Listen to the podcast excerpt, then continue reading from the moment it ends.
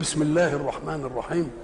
الحمد لله رب العالمين والصلاة والسلام على أشرف المرسلين وخاتم النبيين ورحمة الله للعالمين سيدنا محمد وعلى آله وصحبه أجمعين. وبعد فقد وقفنا في اللقاء السابق عند قول الله سبحانه سبحان أعوذ بالله من الشيطان الرجيم سبحان رب السماوات والأرض رب العرش عما يصفون.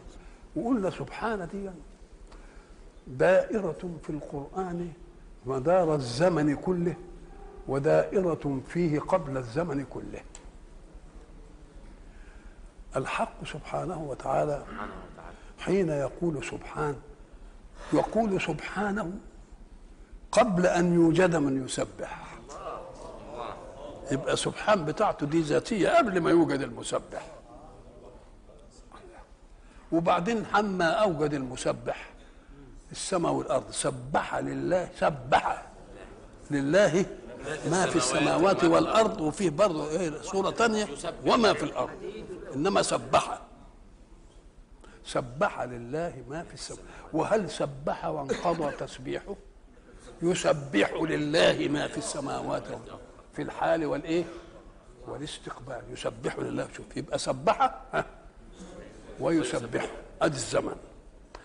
وقبل ما كده قال هو له سبحان منزه قبل أن يوجد من إيه؟ طب ولذلك هو موصوف بالخالق ولا لا؟ قبل أن يوجد من خلقه لأنه ما خلق إلا لأن الصفة فيه. الله هو خلق إلا إن الصفة فيه. ما أنت تقول فلان شاعر. عرفت إنه شاعر إزاي؟ لما قال قصيدة يبقى مش لما قال القصيدة هو ده هو قال القصيدة بوجود الشعر فيه. يبقى هو صفاته موجودة في ذاته قبل أن يوجد من يسبح خلاص يبقى سبحان دي سبحان دي بتاعته تنزيه لذاته. وبعدين سبح لله لما خلقه. وهل انقطع التسبيح؟ لا يسبح لله ما في السماوات وما في الأرض. أيها الإنسان ما في السماوات وما في الأرض مسخر لك. لأنه قال يا ابن آدم خلقت الأشياء من أجلك وخلقتك من أجلي فلا تشتغل بما هو لك عمن أنت له. طيب على الأول فإذا كانت السماء إذا كان التسبيح له ذاتي قبل أن يوجد المسبح ثم لما خلق سبحت السماوات والأرض وتسبح السماوات والإيه؟ والأرض. بقى اختشى على عينك سبح باسم ربك. اختشى على عرضك. ولذلك قال سبح اسم ربك الأعلى. لأن سبح له تسبيح قبل أن يوجد. مسبح. وبعدين لما خلقه سبح. وبعدين يسبح ويسبح للحال وللإيه؟ وللاستقبال. يبقى اخذ على عرضك يا سيد يا ربنا خلق الحاجات دي من أجلك. سبح اسم ربك الأعلى. سبحان رب السماوات والأرض. رب العرش عما يصفون أي من اتخاذ الولد سابقة. إيه أمر أمر سيدنا محمد. قالوا هيقولوا كده وهيقولوا كده. قال لك ولا تسأل عنهم. فذرهم دعهم اتركهم في خوضهم. كلمة خوض أصل الأصل فيها أن يخو أن يخوض الإنسان في الماء الكثير. ودي معروفة. يقول لك خاض فيه أن يخوض الإنسان في الإيه؟ في الماء الكثير. وبعد ذلك استعملت في الخوض في أي شيء إما تدخل نفسك فيه يبقى خضت فيه. ولكنه غلب الخوض في الباطل. غلب الخوض يبقى الخوض أصله الدخول في الماء الكثير. خلاص كده؟ لكن الدخول في الماء الكثير ده يمكن انت انت ماشي في المية. وأرض البحر غير مستوية. فيها عالي وإيه؟ وواطي. يمكن انت جات لحد هنا وبعدين تقابلك نقرة في البحر تروح غصان فيها. يبقى انت جنيت على نفسك بعمل مش انت ما تخوضش. لازم تتحسس قبل أن تخوض.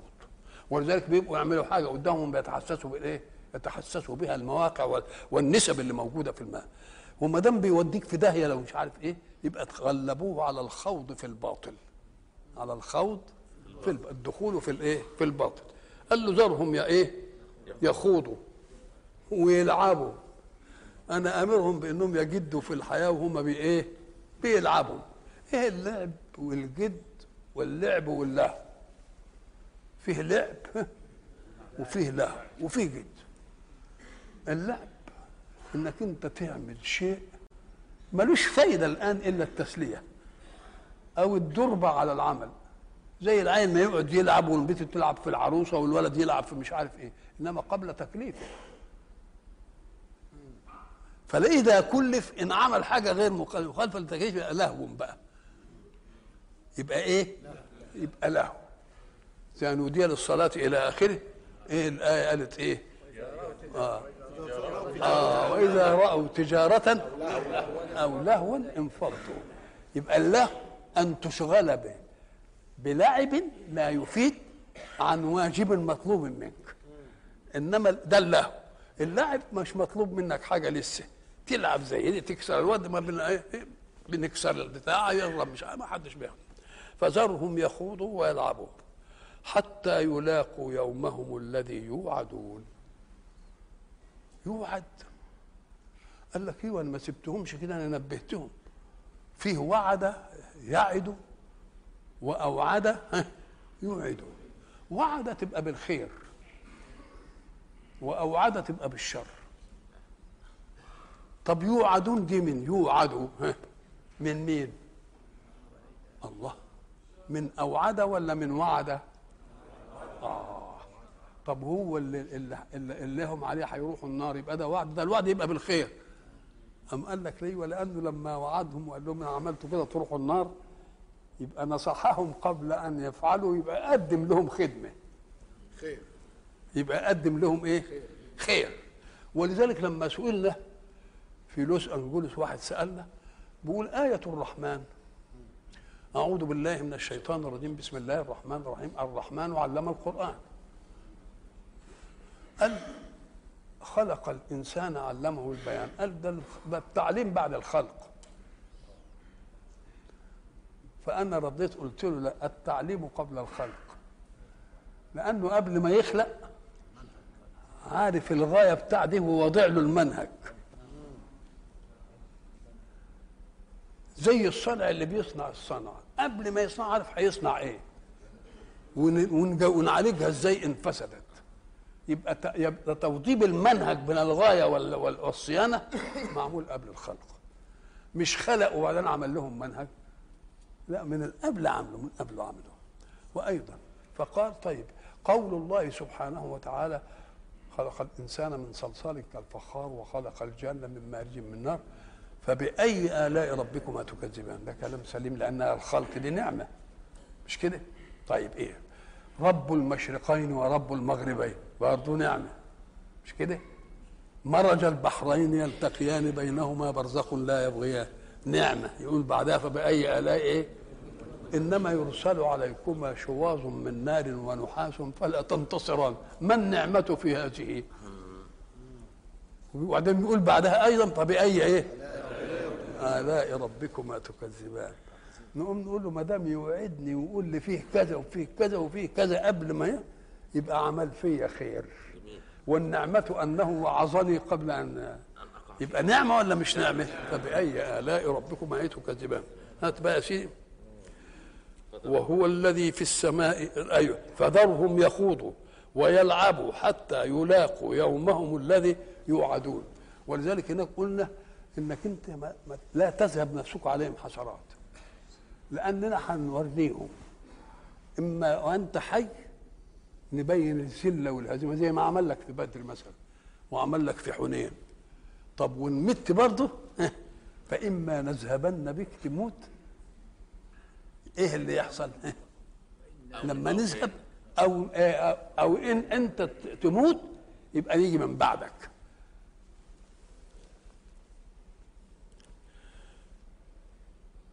وهو الذي في السماء طيب يا سيدي وهو الذي في السماء إله وفي الأرض إله وهو الحكيم العليم. أما الناس الناس بتفتكر لما نقول يا رب لعالي كده إننا أن ربنا هنا. ربنا ما فيش له مكان يسعه لأن المكان خلقه. والمخلوق لا يسع الخالق. الله. نعم. ولذلك ما تقولش متى وأين. لأن متى للزمان وأين للمكان. والزمان والمكان مخلوقان لله فما تستعملهمش مع الله. نعم. وهو الذي في السماء إله وفي الأرض إله.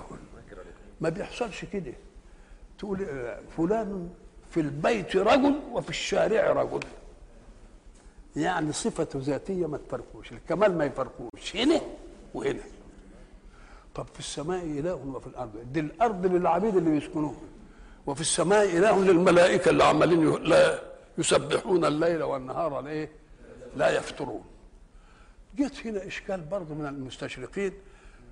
قالوا إن كنتوا بتقولوا عندكم أن النكرة إذا أعيدت كانت غير الأولى. زي ما تقول لقيت رجلا وأكرمت رجلا. يبقى هل أكرمت ده ولا راجل تاني؟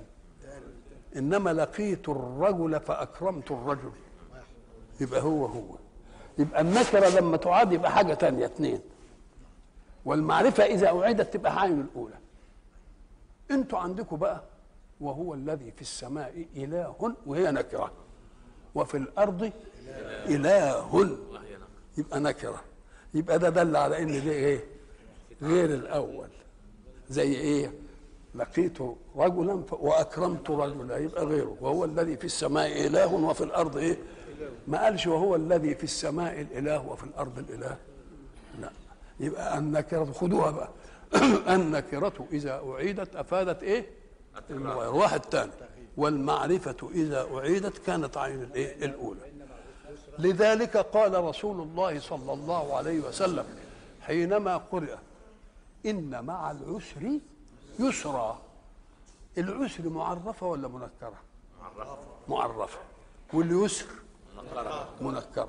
إن مع العسر يسرا إن مع العسر يبقى لما لما العسر جه هنا بالتعريف يبقى هو إيه عين الأول. ولكن يسر جت هناك نكرة تبقى غير الثاني ولذلك قال رسول الله استنباطا من الآية لن يغلب عسر لأنه واحد. يسرين لأنهم اثنين. الاولاد دي بقى لها قصة مع الناس اللي بيقولوا عليها دراويش كنا في المسجد الأحمدي وجاء الشيخ المرحوم مغفور له الشيخ محمود شلتوت كان شيخ أزهر يزور طنطا. فلما زار طنطا راح ال- المسجد عشان يصلي.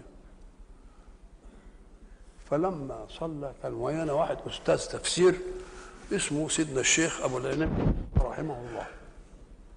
فقال له يا مولانا الحمد لله انني جيت وجدتك هنا لأنني كنت في الدرس امبارح وكنت في آية وهو الذي في السماء إله وفي الأرض إله.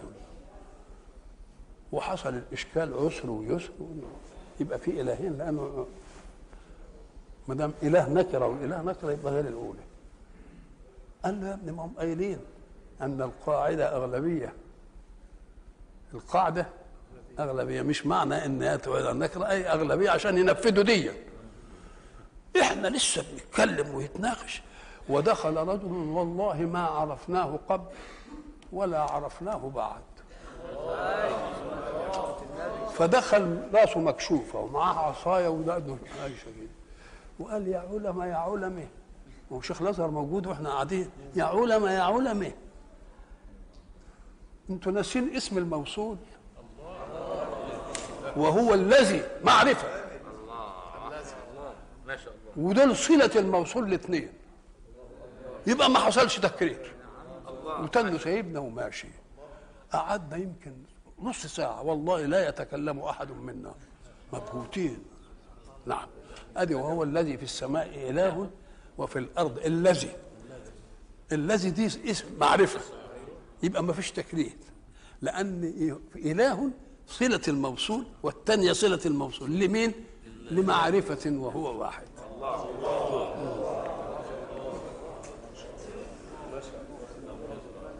وهو الحكيم العليم.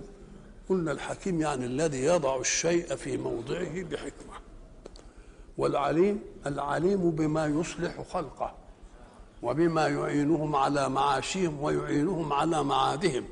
فما كان الله ليعطيهم مقومات المادة بالطعام والشراب والهواء والأمثال ثم يترك قيمهم بدون ذلك فلازم يجي منهج يكلفهم به ولذلك قلنا إن البدن ربنا قال فنفخنا روح نفخت فيه من روحي في آدم. والقرآن سماها إيه؟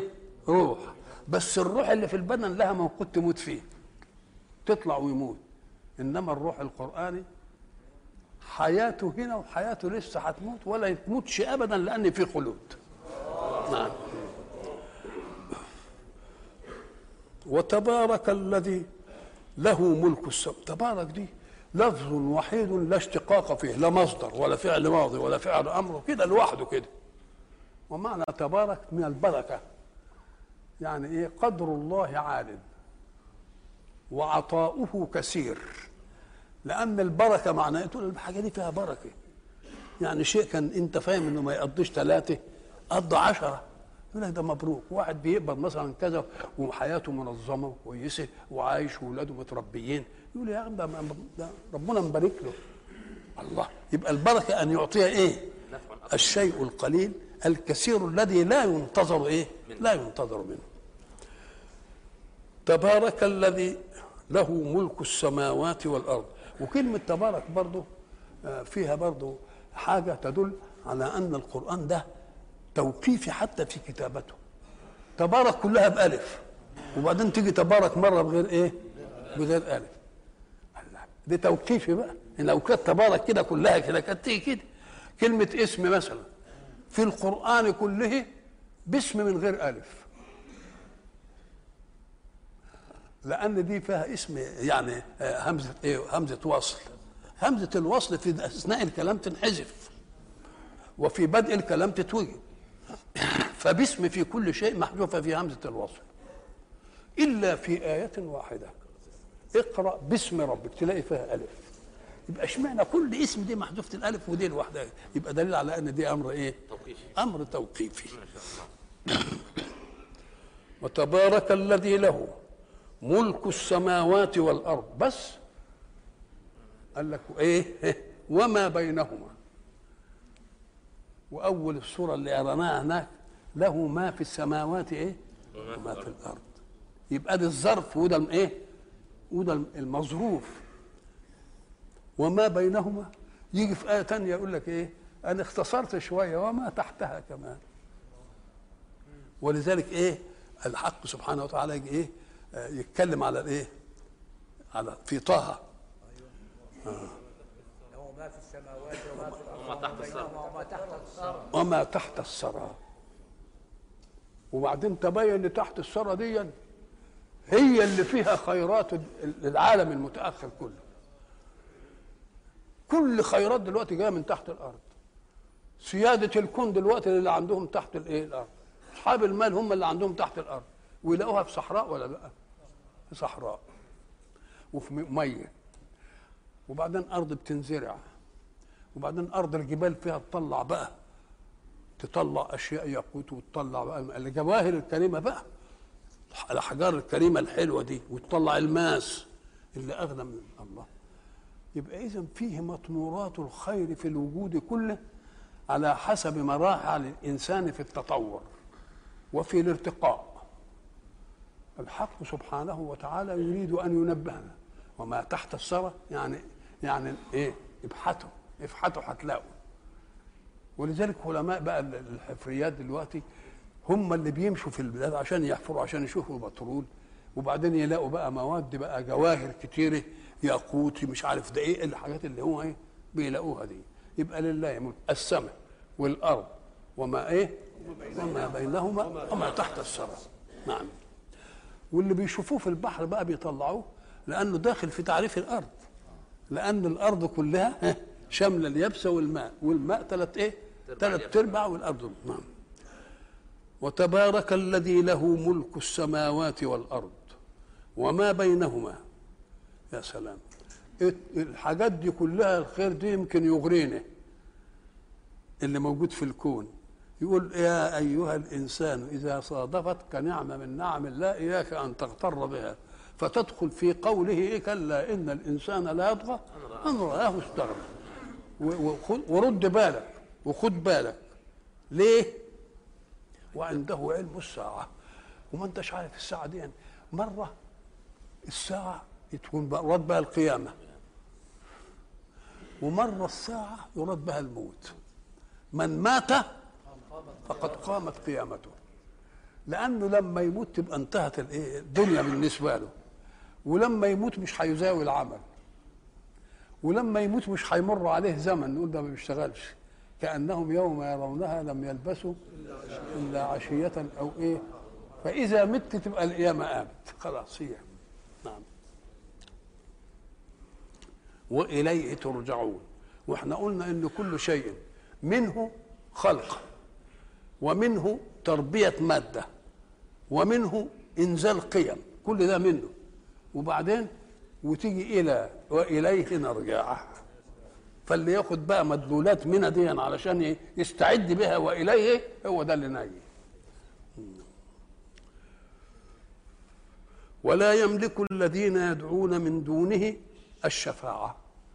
الذين يدعون من دونه اللي هم مين؟ الأصنام والناس اللي الحاجات اللي بيعبدوها الشمس والقمر. ما تملكش إيه؟ لهم شفاعة. تبقى العبادة اللي بيقولوا عليها لهم عبادة باطلة. وما يصحش يسموها عبادة. ليه؟ لأن العبادة طاعة العابد لأوامر المعبود. فما هي أوامر الصنم؟ وما هي أوامر الشمس؟ وما هي أوامر القمر؟ وما هي أوامر الش- الشجر؟ ما فيش حاجة من دي لها أوامر. يبقى كلمة ما نعبدهم غلط.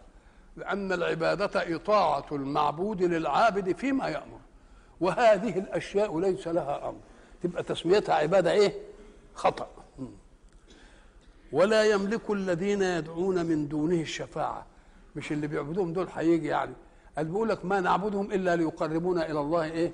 إلى إلى الله. وبعدين ما يملكوش إنهم يشفعوا عنده. ليه ما يملكوش إنهم يشفعوا عنده؟ ليه؟ لأنهم هم كانوا السبب في ضلال هؤلاء. السبب في ضلال من ضل في الإيه؟ في عبادتهم.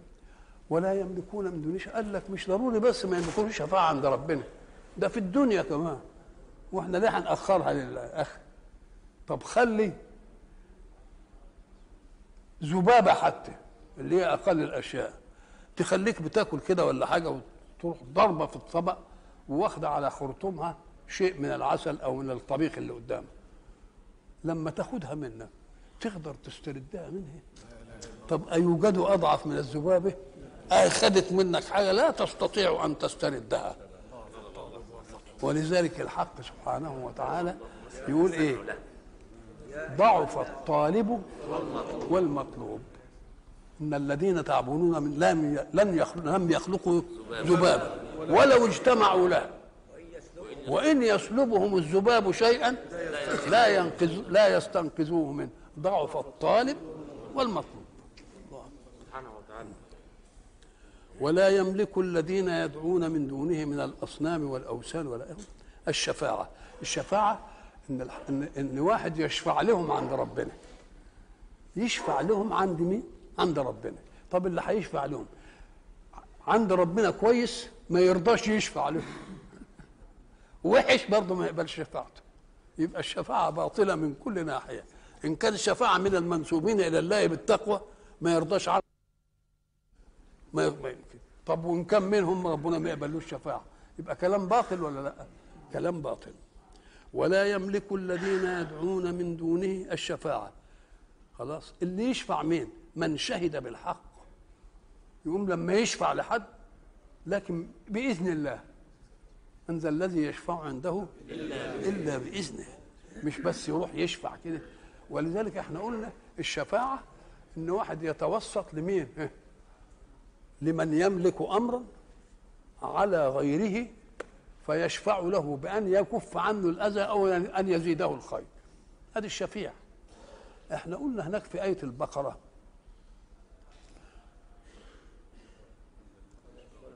يوم لا تجزي نفس عن نفس عن شيء. نفس شفاعة. مش كده؟ إيه كمل كده. ولا يؤخذ منها شفاعة. آه ولا يقبل منها شفاعة. وبعدين إيه في آية تانية تيجي لا يؤخذ منها عدل ولا تنفعها شفاعة. الله. مرة يقول دي ومرة يقول دي لك آه لأن فيه شافع وفيه مشفوع عنده وفيه مشفوع له. يبقى الشافع اللي بنتوسط له اللي بيتوسط والمشفوع عنده اللي بيتوسط عنده والمشفوع له اللي بيقل يتوسط لي. يبقوا كام حتة؟ ثلاثة. ما فطنوش إلى مرجع الضمير. لا تجزي نفس عن نفس. طب المشفوع عنده واحد. والشافع والمشفوع برضه واحد. مشفوع له واحد. قال لك لا تجزي نفس عن نفس. يبقى في نفسين. لا تجزي نفس تبقى الشافعة. مش كده؟ عن نفس هي المشفوع له. يبقى الضمير يعود على مين؟ لا تجزي نفس عن نفس شيئا. لما يكون المشفوع له ده عنده ذنب. يبقى أول حاجة أقول أنا أدفع عدل أدفع فلوس تعويض عن الذنب ده. قال ما يمكنش ناخد منها عدل. ولما ما يلاقيش ويروح يقول للواحد بقى تشفع لي ما مرضيش ياخد مني ال- الله. يبقى الأول لا يؤخذ منها إيه؟ عدل اول الشفاعه ها؟ اول الشفاعه لا ده في الآية الثانية. آه في الآية الثانية هم آيتين. آه الآية الثانية. يبقى مرة الشافع ما هو في شافع وفيه مشفوع له. طيب. الشافع ده بيجي إمتى؟ بتستشفع بواحد إمتى؟ لما أنت ما تقدرش تحل المسألة. طب لما أنت ما تقدرش تحلها إزاي؟ افرض ان أنا عملت حاجة وقلت يا ربنا خد العدل مني خد الثمن اللي أنا الغرامة. ما يؤخذش منها عدل. فلما ما يؤخذش منها عدل ما تيأس. تروح لواحد كبير كده تقول له بقى اشفع لنا عند ربنا ما رضيش ياخد مني العدل. فلا إيه؟ ولا تنفعها لا تنفعها شفاعة. أما الثانية بقى النفس الثانية آه جه الأول. قال له فلان ده بيستشفى بيه عندك. وفلان ده عمل إيه؟ عمل كذا كذا كذا كذا. طب أنا أشفع له. ما نقبلش شفاعته لا تقبل منها شفاعة طب قول له ما أنتش قابل أنا أدفع عنه كل ولا إيه؟ ولا منها الله. ما شاء الله. يبقى في شافع وفي مشفوع والآيتين الاثنين مش متكررين على معنى واحد. وذلك بمرجع الضمائر في كل. الله يكرمك. ولا يملك الذين؟ آه. ولا يملك الذين يدعون من دونه الشفاعة. ما يشفعوش إلا من شهد بالحق. وهم يعلمون إن كانوا في عندهم من من شهد بالحق ولا ما عندهمش. فإن كان شهد بالحق ما يرضاش يشفع لهم وإن كان ما شهدش ربنا ما يقبلش شفاعته. تبقى باطلة كلها. ولئن سألتهم من خلقهم ليقولن الله. الله. ولذلك يقول لك لئن سألتهم من خلقهم برضه وفي آيات تانية هناك. لئن سألتهم من خلق السماوات والأرض ليقولن الله ولئن سألتهم من أنزل من السماء ماء ليقول الله. فكل حاجة كل حاجة الله الله. ما دام أنتم مؤمنين بهذا أنتوا ليه مال ما بتؤمنوش بتؤمنوش به؟ ولذلك يقول إيه؟ ولئن سألتهم من خلق من خلقهم ليقولن الله. فأن كيف كيف ينصرفون عن هذا مع إن دي بشهادتهم هم اللي خلقهم ربنا. وخلق لهم قوتهم وخلق لهم السماء والأرض وخلق لهم المطر اللي بيجيب كل حاجة. يبقى إيه الحكاية؟ قولوا لي إزاي يعني؟ فأن تؤفكون إزاي تنصرفوا عن هذا مع ان كنتم اللي شهدتم؟ اللي شهدتم بالح- بالحق. ولذلك الحق سبحانه وتعالى يجي في سورة البقرة يقول اللي بيكفروا بالله دول ما امرهم عجيب. ما حيثيتهم في الكفر بالله؟ ما دواعي الكفر عندهم؟ دي مسألة عجيبة. يقول لنا قولوا لنا كيف تكفرون بالله؟ قولوا لنا إزاي بتكفروا بالله دي؟ يعني مسألة العقل ما تدخلش العقل بعد ما يبقى هو اللي خلق وهو اللي خلق تكفر بيه إزاي. الله.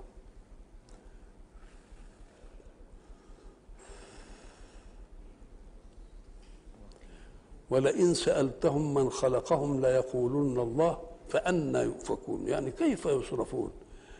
شوف بقى الآية دي بقى. الله الله. وقيله يا ربي إن هؤلاء قوم لا يؤمنون.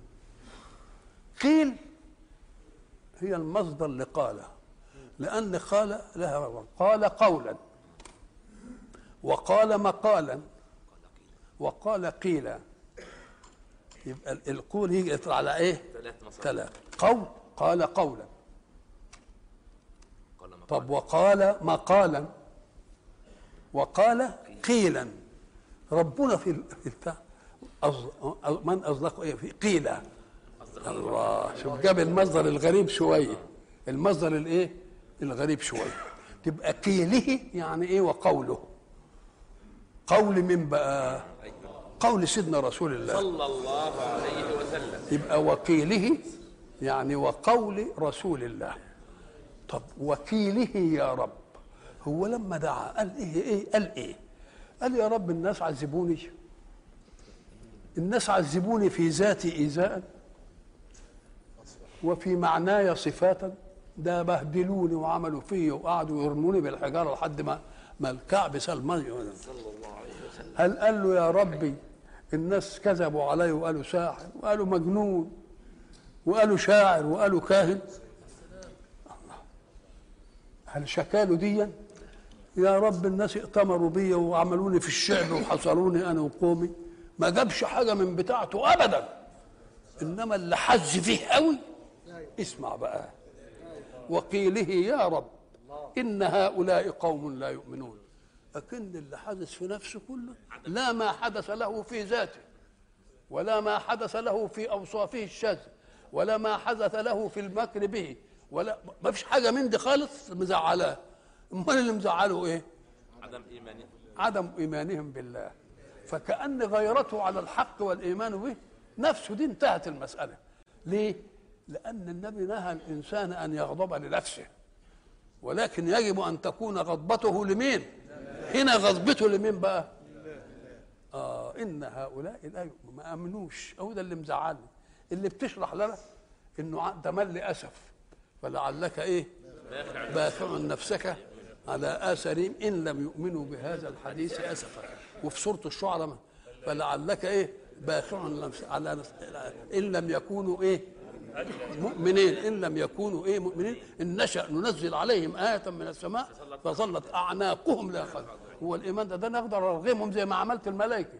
طب ما أنا عامل الملائكة لا يعصون الله ما أمرهم ويفعلون ما يامرون أقدر أجيب إنما أنا مش عايز أنا مش عايز قوالب تسجد لي وتخضع. أنا أريد قلوبا تحب ذلك. وقيله يا رب. طب الواو دي بتعمل إيه؟ شوف لما يجي لك ولد ويقول لك إن فلان أذاني وضربني وعذبني وعمل فيا كذا وخدني حبسني ومنع من الأكل يقول له إيه؟ وما فعل بك لأذيقنه فوق ذلك. لكنه أقسم ده عشان اللي فعلوه هيعمل فيهم إيه؟ وقيله يا رب إن هؤلاء قوم لا يؤمنون وجاب الله ولا جابش حاجة من ذاته. طب يبقى يعمل إيه؟ يقول له أنت ما تزعلش.